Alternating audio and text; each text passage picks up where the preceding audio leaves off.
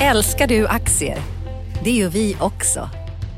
Sea Worldwide Asset Management är en av Nordens största oberoende aktiva aktieförvaltare och har samlad kunskap sedan 1986. Ta del av vår kunskap på seaworldwide.se. Bokstaven C, worldwide.se.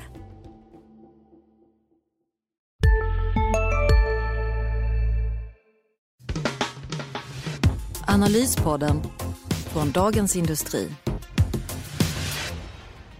Hej och välkomna till Dagens Industris analyspodd. Jag heter Johanna Jansson och mitt emot mig har jag Magnus Dagel. Och som vanligt så ska vi dissekera marknadsrörelser eh, under veckan som har gått och eh, blicka framåt veckan som har varit.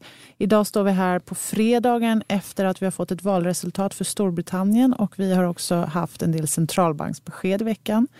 Och Magnus har intervjuat en väldigt intressant person i svenskt näringsliv, eller hur? Just det, Hans mm. Wallenstam. Just det. Så vi ska prata lite om, eh, om allt detta i ungefär 20-25 minuter.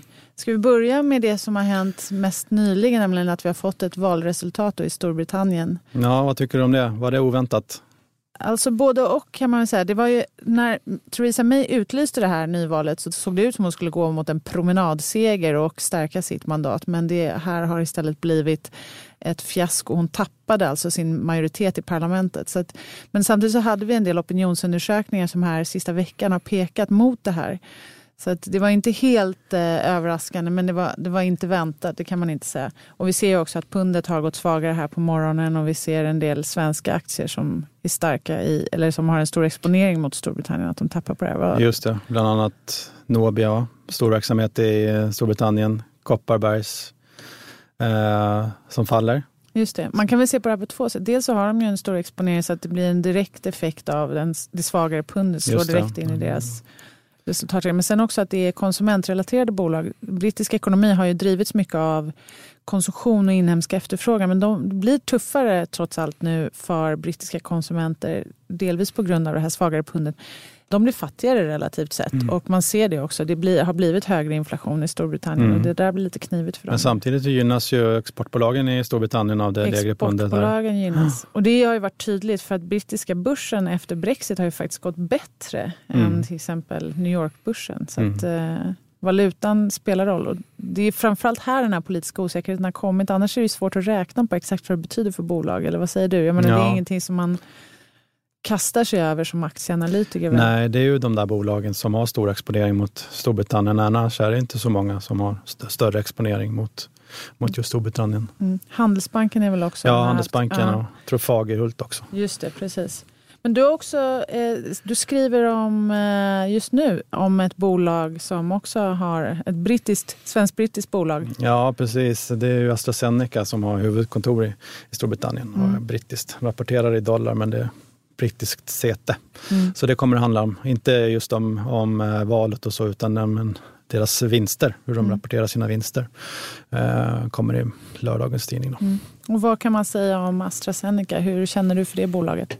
Ja, det är splittrat. Eh, det är väldigt svårt att förstå sig på det i och med att det är väldigt komplext med deras forskningsportfölj som styr. Andra bolag, där tittar man på vinster och kassaflöden idag och hur man värderar dem.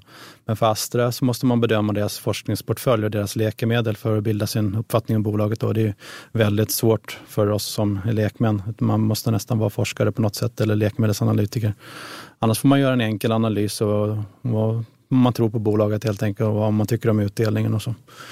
Eh, du är bra på att titta just på utdelning, eller du tar mycket hänsyn till utdelningarna. Vad kan man säga där om, om Astra? Då? Ja, men Astra har haft en väldigt bra utdelning de eh, senaste åren. Då. Men uh, om man tittar fem år tillbaka så har de ju delat ut mer än vad de har, har haft i rapporterad vinst. Då. Så det har varit ett litet problem och det kan man ju inte fortsätta med i all oändlighet. Samtidigt har kassaflödet varit bättre än vinsten och som man har klarat det hittills. Men man har ökat sin belåning de senaste åren. Då, och hur, ser, hur ser du på värderingen just nu? Vad tycker du? Ja, det kommer mer i, i, i, lördagens tidning. Ja, precis. Tidning. Ja, men det, det beror väldigt mycket på hur man ser på deras vinster. Alltså, de rapporterar ju på två sätt. Alltså core earnings mm. som media och aktiemarknaden har börjat använda mer och mer. Mm. Och sen har man en rapporterad vinst. Vilket av de här måtten man använder så blir P-talet helt olika. Mm. Och det skriver jag om. Så det mm. tycker jag är intressant. Men kan du ge en liten fingervisning? Är det liksom mer tumme upp än tumme ner? Eller kan du, ja. Ja, jag tycker deras, eh, deras portfölj med läkemedel de kommande åren är väldigt spännande. Samtidigt mm. som direktavkastningen är bra. Då. Men mm. samtidigt är aktien högt värderad också. Mm. Det är mycket som är högt värderat ja. nu, får man väl säga. Ja. Eller det, det, det som lyser igenom som ett tema, tycker jag, är mycket av det vi skriver just nu. Och det handlar väl om, precis mycket om det. Hur stark är den här underliggande efterfrågan? Och, mm. Och kan, vi liksom, kan, kan bolagen växa i sin värdering eller ska det vara någonting annat som ger efter? Det blir en spännande rapportsäsong till sommaren, eller hur? Verkligen. verkligen. Ja. Är det några du kommer hålla särskilt, särskilt hålla ögonen på? Eller som du håller särskilt ögonen på Industribolagen är ju ja. alltid intressanta och där får man ju se hur mycket den här påskeffekten spelar roll. Den var ju gynnsamt i första kvartalet. Uh, och nu har ju analytikerna börjat eh, justera upp vinsten också så de har hängt med på ett annat sätt än vad de var i första kvartalet och de är överraskade. Så det, det, det blir nog tuffare att slå det här kvartalet, det tror jag. Mm. Men det blir intressant det kommer nu i sommar.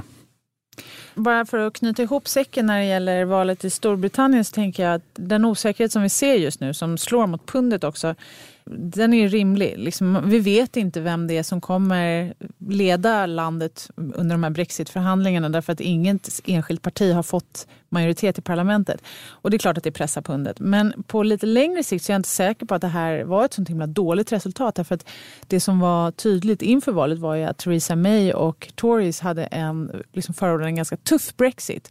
Och för de svenska bolag som finns i Storbritannien och verkar i Storbritannien så borde ju de gynnas av att den här skilsmässan från EU inte blir fullt lika tuff. Det kommer mm. ju bli svårare mm.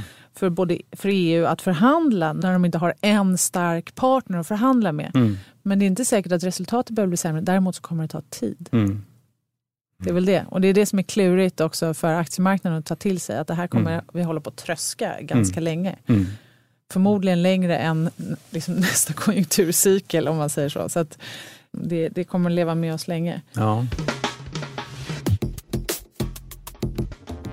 Du har skrivit en intressant artikel här i veckan om eh, Riksbanken och ECB. Eh, e Just det. Det är en annan grej som lär ta väldigt lång tid. Mm. Det är mm. att de har ju samlat på sig så otroligt mycket tillgångar. Mm. Och det här tycker jag är, vi pratar jättemycket om minusräntan i Sverige men en mycket större grej är egentligen de här centralbankernas stora tillgångsköp. Och tittar man på långräntorna så har ju de eh, fortsatt ner trots att Fed då har börjat höja räntan i USA. Vi hade liksom en uppgång i i långräntorna på grund av den här liksom förväntade skjutsen man skulle få av Donald Trumps expansiva mm. finanspolitik. Och så. Men sen nu har långräntorna vänt ner igen och i Sverige mm. är vi nere på samma låga nivåer som vi var i slutet av fjolåret. Just det. Så det, och det här påverkas ju såklart mycket av de här stora portföljerna. Mm. Eh, hur ska de bli av med dem då? Kan du förklara det så man förstår? Ja, jag har försökt förstå det här men det går Nej, inte. Men alltså, framförallt kan man ju, alltså, man svimmar ju nästan när man ska försöka skriva om de här talen för det är så otroligt stora belopp. Alltså, I USA så har då Fed köpt på sig tillgångar motsvarande 4 500 miljarder dollar. Alltså det är då nästan nästan gånger 10 om man ska mm. göra det enkelt för sig, överslagsräkning. Men strax under 40 000 miljarder svenska kronor. Det är så mycket pengar så att mm. man vet inte var man ska ta vägen. Och nästan lika mycket då i Storbritannien, eller säga i, för ECB. Och eh, det påverkar ju såklart. Det är en väldig massa pengar som har kommit in, som har sköljt över marknaden. Och hur de ska bli av med det? Ja, alltså de, det mest aggressiva skulle vara att de, när de vill strama åt penningpolitiken igen, är att de säljer av.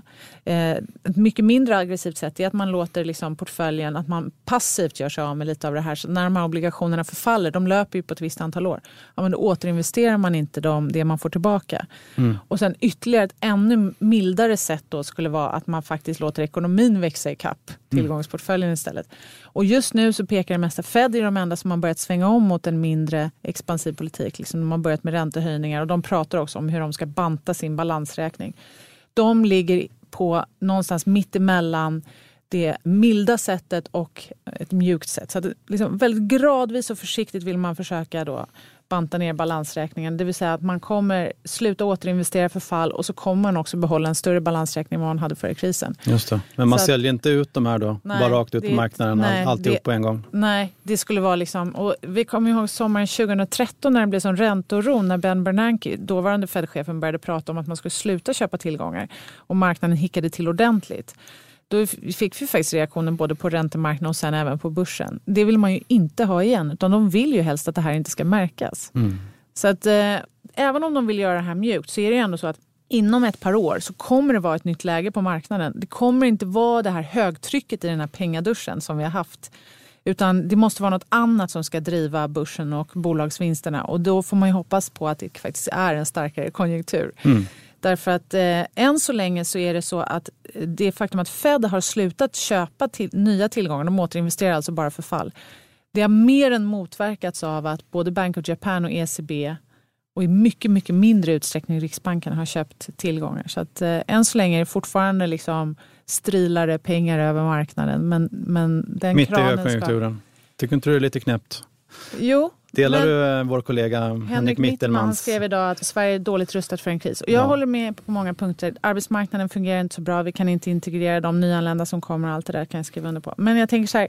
Det man ska veta är att varför centralbankerna gör det här Eh, vi pratar ju om eh, Brexit och de här spänningarna mellan liksom, låg och höginkomsttagare. Det riskerar social oro. Brexit-valet är ju ett resultat av det. Valet av Donald Trump i USA, samma sak.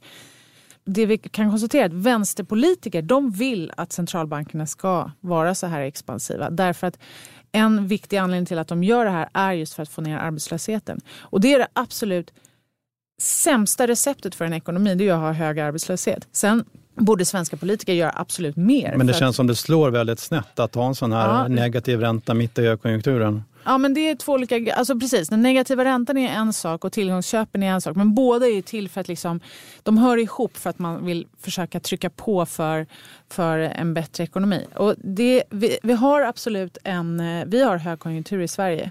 Sen beror det på vem du frågar hur stark den är. Frågar du till exempel en professor som John Hassler eh, som är nationalekonomiprofessor, då skulle han säga att ja, den är inte särskilt stark. Vi har fortfarande en ganska hög arbetslöshet och mm. det är mm. inte liksom jättebra drag i alla delar. Frågar du någon, eller pratar vi här som bor i Stockholms innerstad där det liksom byggs överallt och bostadspriserna är högt uppdrivna, så här, då tycker man att ja, men det här är ju liksom mm.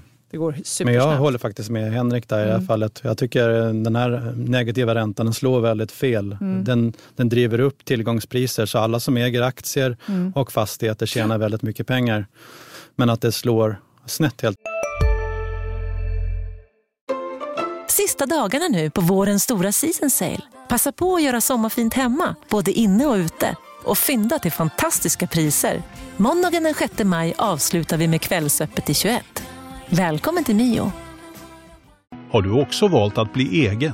Då är det viktigt att skaffa en bra företagsförsäkring. Hos oss är alla småföretag stora och inga frågor för små. Swedeas företagsförsäkring är anpassad för mindre företag och täcker även sånt som din hemförsäkring inte täcker. Gå in på swedea.se företag och jämför själv. Tänket att de ökar, det förbättrar ju knappast eh, arbetsmarknaden. Fast hur, hur menar du då? Det, alltså, för det är trots allt så att sen Riksbanken började dra på med med de här extra liksom, åtgärderna så har arbetslösheten fortsatt ner. Så ja, hur, hur, vet man att det inte hade blivit så om, om de haft en man, normal ränta? Det kan man aldrig veta, men man kan heller inte veta att svenska börsen inte hade fortsatt upp eller fastighetspriserna hade fortsatt upp. För att vi påverkas ju så otroligt mycket av vad som händer i omvärlden också. Och tittar man på svenska långräntor, samma sak där, de drivs mångt mycket också av vad som händer i omvärlden. Så att, eh, vi sitter ju lite i knät på att ECB gör det här och att Fed gjorde det dessförinnan. Det har ju också drivit på liksom, tillgångspriser över hela mm. världen. Så Men är, det så. inte så att Riksbanken sitter mycket i knät på ECB? Att håller ECB en låg ränta och tillgångsköp, då måste Riksbanken följa efter för att inte avvika för mycket. Ja, så är det. Eller man får liksom välja. Gör man inte det då kommer vi få en betydligt starkare mm. krona. Och då kan man säga så här, ja, men vad spelar det för roll? Ja, men lite roll hade det nog spelat. Mm. Många svenska exportbolag har gynnats av den här svagare kronan. Det undrar jag också om vi inte kommer... Alltså det, vi har inte sett det supertydligt kanske i första kvartalet. Då var det ju faktiskt ganska mycket annat också. Men det är klart att det har påverkat dem. Eller hur? Vad säger du? Industribolagen.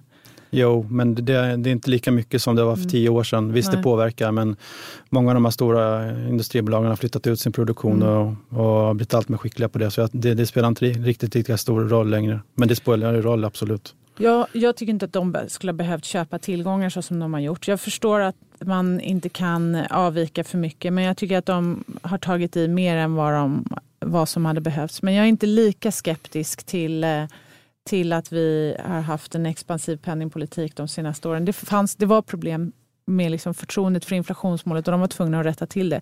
Jag tycker i sånt fall att ett mycket större ansvar vilar på politikerna som borde eh, göra liksom en bättre, ha en bättre struktur både för bostadsmarknaden och för arbetsmarknaden.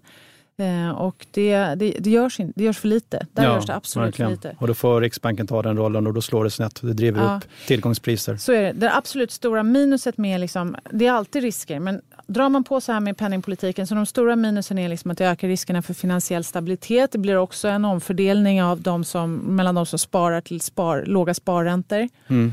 Eh, och, eh, men, och det driver på aktiepriser och sådär. Men samtidigt ska man, man får inte ignorera att det också gynnar de som eh, är beroende av alltså oss löntagare helt enkelt. Mm. Att det går bättre på arbetsmarknaden. Så att, och tittar man, jämför man till exempel USA, euroområdet, Sverige och Japan och bara tar liksom en kvot på ett väldigt enkelt sätt bara försöker säga så här, okay, så här mycket pengar har de satsat i de här tillgångsköpen. Och så sätter man det i relation till antalet ökade sysselsatta eller, och i uppgången i inflationen. Då har vi faktiskt betalat ganska lite i Sverige alltså på ett bra sätt. Vi sticker ut bra i den jämförelsen. Vi har mm. inte lagt särskilt mycket pengar på det här och vi har ändå fått en bra ökning i sysselsättningen och vi har fått en uppgång i inflationen. Och då ser vi mer ut som USA som har en ganska dynamisk mm. arbetsmarknad trots allt. Men problemet Men är väl... däremot både i Japan och i euroområdet så har de lagt ut betydligt mer pengar per nytt jobb. Det har kostat betydligt mer i tillgångsköp och annat. Mm. Men i slutändan är väl liksom, det är väl ingen som förlorar på den här Alltså låga räntorna och tillgångsköpen, eller hur? Nej, alltså, det är en bra poäng. För att om man tycker att klyftorna ökar i samhället. Ja, men om klyftorna ökar fast alla får det bättre, det kan ju faktiskt hända. Mm. Är det för att vi är avundsjuka på de som har fått det jättemycket bättre då, då är det ju, mm. så ska mm. det inte vara. Men någon som kanske förlorar på det, det kan ju vara försäkringsbolagen och framtida pensionssparare och sådär. Mm. Men det som, kommer så långt i framtiden. Det kommer så långt i framtiden, det är sant. Vi ser bara mm kortsiktigt. Vet du. Ja, det är sant. Men en annan grej som påverkas såklart av räntorna det är fastighetsmarknaden. Det har vi också skrivit om mycket båda två. Du tittar ju mycket mm. på fastighetsbolagen. Ja, du skrev om byggbolagen. Ja, jag mm, skrev byggandet. om byggandet. Um, som, som just nu ökar väldigt mycket. Och där också för de med höga inkomster. Det byggs ju mm. ganska lite för de som inte kan betala så mycket i hyra. Och det är ju ett problem. Mm. Du träffade en väldigt intressant och erfaren ja. fastighetsperson här i veckan. Berätta lite mer om det. Ja, men det var Hans Wallenstam och de har ju byggt eh, bostäder under väldigt många... hans far Lennart Wallenstam byggde ju bostäder redan på 50, 60, 70-talet och Hans Wallenstam var ju med där. Eh, och eh, sen satte de igång bostadsproduktionen igen, alltså bygga hyresrätter i början på ja, 2000-talet där. Och man har gjort det nu i drygt 15 år. Och det har ju varit en fantastisk resa som de har eh, gjort. Men han var lite orolig för, eller orolig, men han, ja. eller både och. Han var lugn men luttrad kanske. Han är positiv till sin egen aktie men orolig för fastighetsmarknaden. Ja, Den paradoxen. Ja. Uh, nej, men så han har varit uh, försiktig rätt länge och det enda man kan göra, säger han, det är liksom att rigga bolaget och fokusera på låg risk, att äga bostäder i storstäderna och uh, de bästa kommersiella fastigheterna i, i, i citykärnan, alltså i Göteborgs centrum. För det, det tyckte jag var en intressant sak som ibland försvinner. Vi säger ofta så här, men det, i Stockholm är det överhettat i Sto för att här stiger bostadspriserna så mycket. Mm. Och då tänker man bara för att man tänker att räntan är för låg, folk har råd att betala för mycket. Men samtidigt så det som löser igenom tydligt tycker jag i intervjun med, med Wallenstam var ju just att men det är inte i de attraktiva lägena där priserna stiger. Men det är inte säkert att det är där priserna behöver falla för där är efterfrågan alltid så pass hög. Det är mycket större risk i, ute i perifera delar av landet. Också på den kommersiella sidan med, mm. där det har byggts mycket köpcentrum och annat. Mm. Mm, ja, men han menar ju på att min, fastigheter på mindre orter, kommersiella, där man kanske bara har en, en hyresgäst, de blir stort sett osäljbara om det blir sämre tider. Då försvinner efterfrågan helt. Så, så kan det vara. Så mm. det, han tycker att premien för alltså, alltså storstadslägen är de bästa lägena, alltså CBD, eh, Central Business District, där storstäderna mm. är alldeles för låg egentligen och det, det, kan man ju kanske fundera på. Här är det ju enormt nedtryckta eh, alltså avkastningskrav och höga priser. Då. Han tog upp ett exempel i Göteborg till exempel, där innerstan, där var en bostad som såldes på en avkastning på 1,25 procent. Får man en vattenläcka på det, då är den där procenten borta. Så det är väldigt låga avkastningar generellt. Då. Men det är Mm. bättre än bankboken. Och det är Mm. det som institutioner tar fasta på och köper de här fastigheterna. Mm. Det finns ju andra lösningar för de som då säger så här, men sluta. Eh, vi pratade tidigare om John Hassler och han skrev en debattartikel för ett tag sedan som apropå just att sluta klaga på det här med minusränta för den är här för att stanna och man får hantera det istället och då är det just så här ja, men pensionsbolag kanske borde kunna få investera i hyresfastigheter och få hyresintäkter som en framtida intäkt istället Mm. för att hela tiden då spara till låga räntor. För Ja. låga räntor är Mm. som sagt, Absolut, det vore väldigt vettigt. Och Ja. kanske låna ut pengar också till konsumenter. Använda Kanske, sina stora, ja. stora tillgångar till, Precis. till att göra det. Mm. Men jag vet inte, det verkar inte hända så mycket på den fronten. Nej, det blir ett politiskt beslut. Men eh, om vi blickar framåt till nästa vecka så har vi en del, eh, en del punkter som också blir intressant att följa. Apropå det här med låga räntor och stora tillgångsportföljer så har ju Fed, amerikanska Fed möte och, och lämnar räntebesked då den Mm. 14, onsdagen den 14. Mm. Vad, vad betyder det för börsen? Ja, du, inte, inte så jättemycket tror jag faktiskt. Eh, Utan det där brukar vara väldigt väl prissatt. Mm. Eh, Det som ligger prissatt just nu är ju just att det blir en höjning med ytterligare 25 punkter. Mm.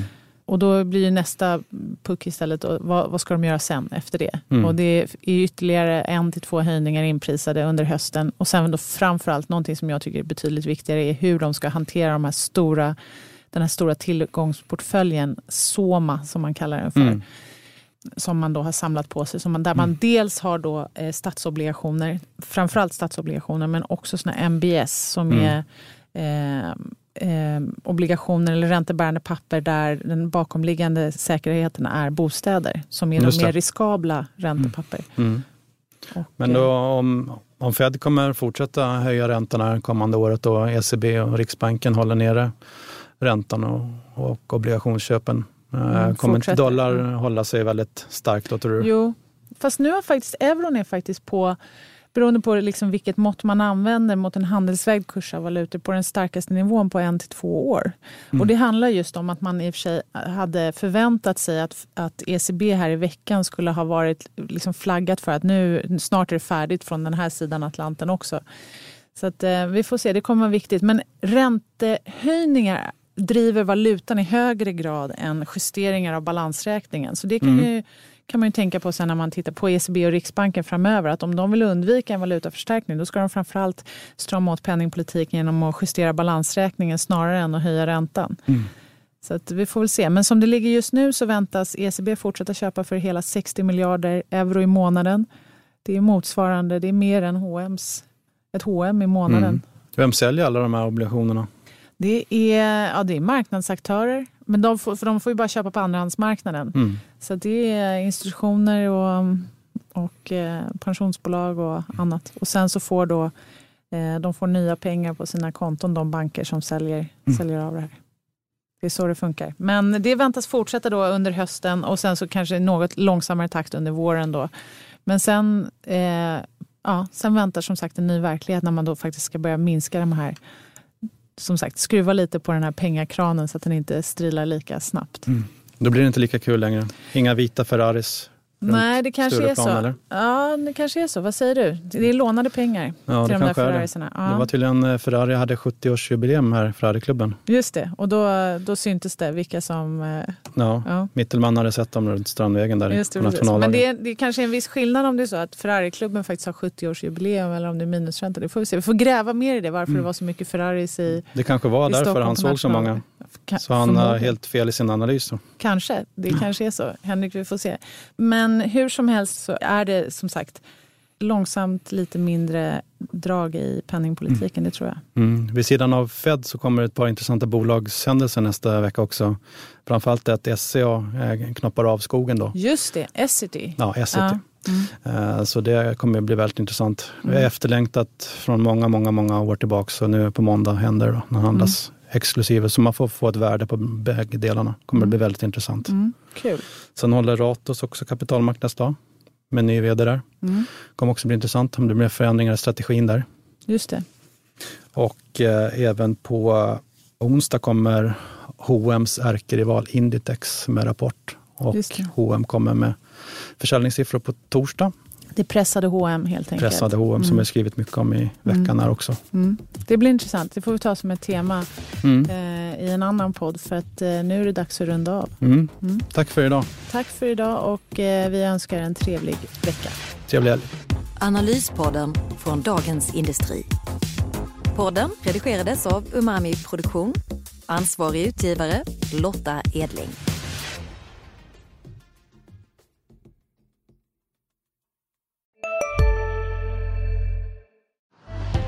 Älskar du aktier? Det gör vi också. Sea Worldwide Asset Management är en av Nordens största oberoende aktiva aktieförvaltare och har samlad kunskap sedan 1986. Ta del av vår kunskap på seaworldwide.se. Bokstaven C, worldwide.se